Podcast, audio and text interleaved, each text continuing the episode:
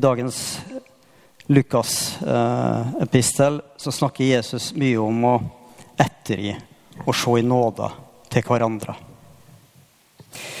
Paulus fortsetter i samme leia, hvor han vil at vi skal ta et positivt ansvar for menigheten og ikke baksnakke hverandre. Dersom vi ønsker et rikfoldig menighetsliv, så handler det om at vi evner å utvise nåde Altså ikke bare Gud som kommer til oss og tilbyr si frelsende nåde. Vi skal på samme måte også vende oss til vår neste og innta en nådefullt holdning. Vi befinner oss i Sletteprekena, en passasje som kan sammenlignes med bergpreken, hvor Jesus holder sin berømte tale til disiplene i Matteusevangeliet, hvor også Herrens bønn blir dem lært. Fred, forsoning og elske sin, sine fiender er også sentralt. Det er, som, det er så lett å preke over, men heller vanskelig å få til i praksis. Den etiske tanken bak er kobla til Guds væren og vesen, som er kjærlighet. Det leser vi av 1. Johannes brev 4,8. Det blir som ei bro over til å bære over med hverandre i barmhjertighet. Når et miljø utvikler seg og blir veldig regelstyrt, så øker det faren for baksnakking. Det er på mange måter det Jesus advarer mot i dagens tekst. Fordi meninga med slettepreken og Jesu budskap var en annen. Den bygger på Guds nåde i 620 blant annet, og er fiendekjærlighet. Kristendommens unike form for nestekjærlighet. Raushet og åpenhet var i strid faktisk med datias forbilde på from tro. Jesus utviser en bevissthet på de og gjør det motsatte. Tradisjonen tro, så gjør han det motsatte. Av hva de forventer i den jødiske samfunnskulturen på den tida.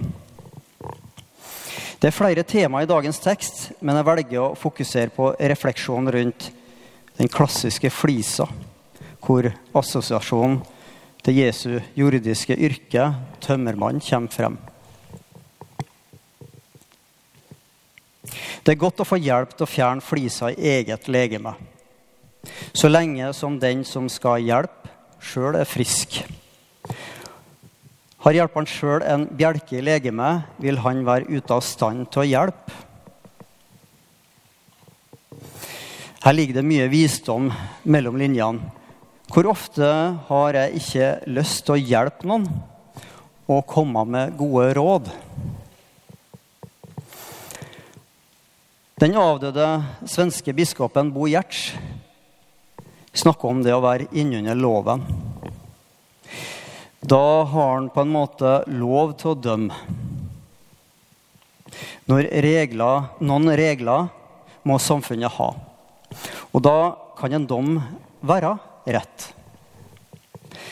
Men har jeg og du kommet inn i Guds rike og fått all gjelda ettergitt, så gjelder ikke lenger loven som grunnlag for min relasjon med Gud. Da skal loven ikke gjelde i mitt forhold til andre mennesker. Fordi tilpasses regler for å dømme andre, ja, så ender jeg opp med å dømme meg sjøl. Det er Guds øye som ser oss, og som viser oss nåde. Så kommer Jesus inn på bjelken i mitt eget øye. Og det er litt rart. Det er jo ikke plass til en bjelke i øyet mitt. Hva skal det bety? Jo, vår skyld innenfor Gud kan sammenlignes med en stor bjelke. Når gjelda rammer oss, risikerer vi faktisk å dø. Gjelda er for stor, i hvert fall rent åndelig. Bare Gud kan forhindre den åndelige døden. Vi lever og råder ved at Gud daglig viser oss sin barmhjertighet. Den som er klar over det i sitt innerste, han kan også forstå og hjelpe sin bror og sin søster med flisen som en har i eget øye. Da forstår vi vår nestes utfordring, og vi kan nærme oss på en vennlig måte. Ære være Faderen og Sønnen og Den hellige ande, som var og er og være skal, en sann Gud fra evig og til evig. Amen.